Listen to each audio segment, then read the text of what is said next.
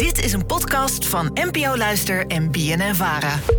Hoi, alledaagse vragen. Ik vroeg me af waarom de opkomst bij het stemmen op Caribisch Nederland zo laag is. Alledaagse vragen. NPO Luister.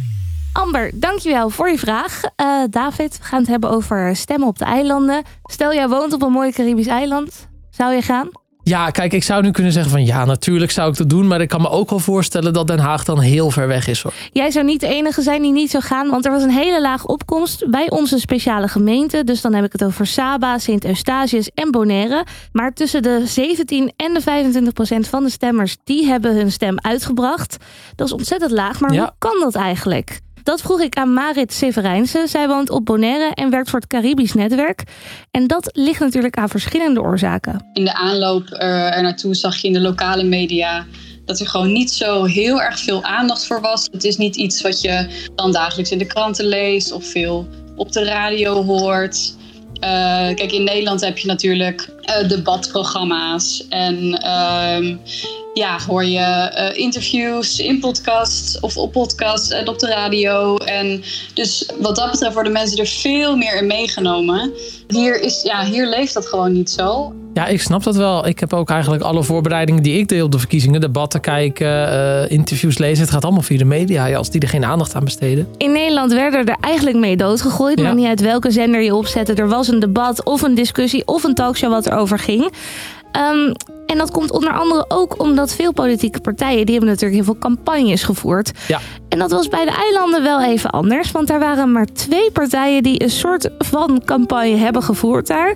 Wie denk je dat dat waren? Oef, um, ik, uh, ik las van de week dat uh, D66 heel veel stemmen heeft gekregen vanuit het buitenland. Dus dat is mijn eerste gok. Mm -hmm. En misschien toch ook wel een partij die strijdt voor gelijkwaardigheid bijeen bijvoorbeeld? Oké, okay, nou we gaan, het, uh, we gaan het horen. Ik heb wel van de Piratenpartij gezien en van, uh, van BBB ook. En um, ja, dat was het eigenlijk. Um, dus het is ook niet zo dat er echt heel erg campagne gevoerd is hier door de partijen. Um, en dat vinden, zeg maar, als je kijkt naar bijvoorbeeld de lokale verkiezingen. Uh, wat het heel goed doet hier is als mensen gewoon, als de lokale partijen gewoon echt de buurt ingaan, met mensen gaan praten nou ja, dat, dat mis je natuurlijk hier. En mensen moeten echt ja, zelf op zoek gaan naar informatie. Dus je hebt dus bijna tot geen campagnes, alleen de Piratenpartij en de BBB. Nee. En het leeft totaal niet in het land. Um, en daarnaast hebben partijen ook eigenlijk te weinig aandacht voor de eilanden in hun verkiezingsprogramma. En als je dan ja, kijkt naar uh, wat de partijen echt in hun programma hebben staan, dan zie je ook heel weinig over de eilanden. Um, sowieso natuurlijk als je op de, op de startpagina komt Um, daar staat eigenlijk bij geen één partij iets van de eilanden. Dus dan moet je echt in het partijprogramma zelf gaan zoeken.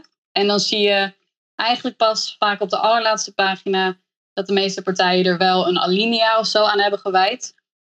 Maar dat is het dan. Um, ja, en daarbij komt dat het natuurlijk ook nog allemaal in het Nederlands is. Dus dat is niet, ja, dat is niet mensen hun moedertaal hier, want dat is um, papiamento, papiaments. Ja, dat snap ik wel. Dan heb je niet echt het idee dat de verkiezingen over jou gaan, toch? Moet je je voorstellen, ik vind het af en toe wel moeilijk om te begrijpen wat er in een verkiezingsprogramma staat. Stel je voor dat je het Nederlands eigenlijk nauwelijks begrijpt. Daarnaast is het voor de inwoners van de eilanden toch wel moeilijk om ook die band op te bouwen. Want volgens Marit is er namelijk een gebrek aan vertrouwen. Nou, we zijn natuurlijk in 2010 een bijzondere gemeente van Nederland geworden. Dus dan Um, zou je denken dat je dan als bijzondere gemeente van Nederland ook dezelfde rechten hebt hè, als Nederland. Um, Nederland gaat nu na 14 jaar pas een sociaal minimum invoeren voor de mensen hier. Dus dat is gewoon heel erg opvallend dat heel veel uitkeringen uh, zijn een stuk lager dan in Nederland.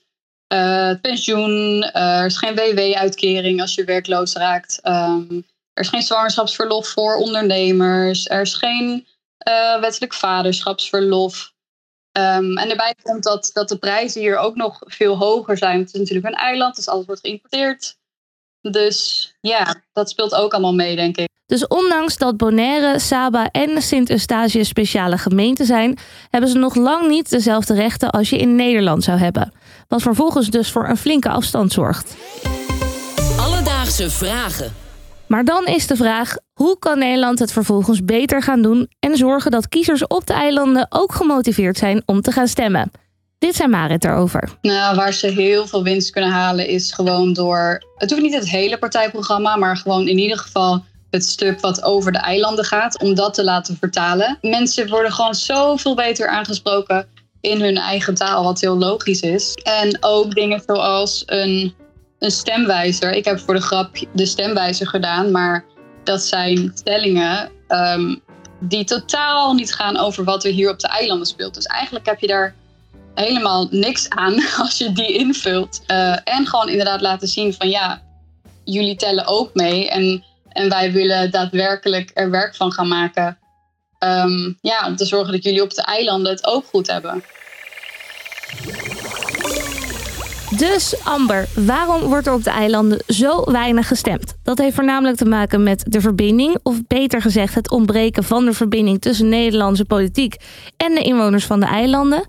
Er wordt nauwelijks campagne gevoerd. De eilanden wordt niet of niet heel erg goed meegenomen in de verkiezingsplannen. En door de jaren heen is de vertrouwensband beschadigd geraakt.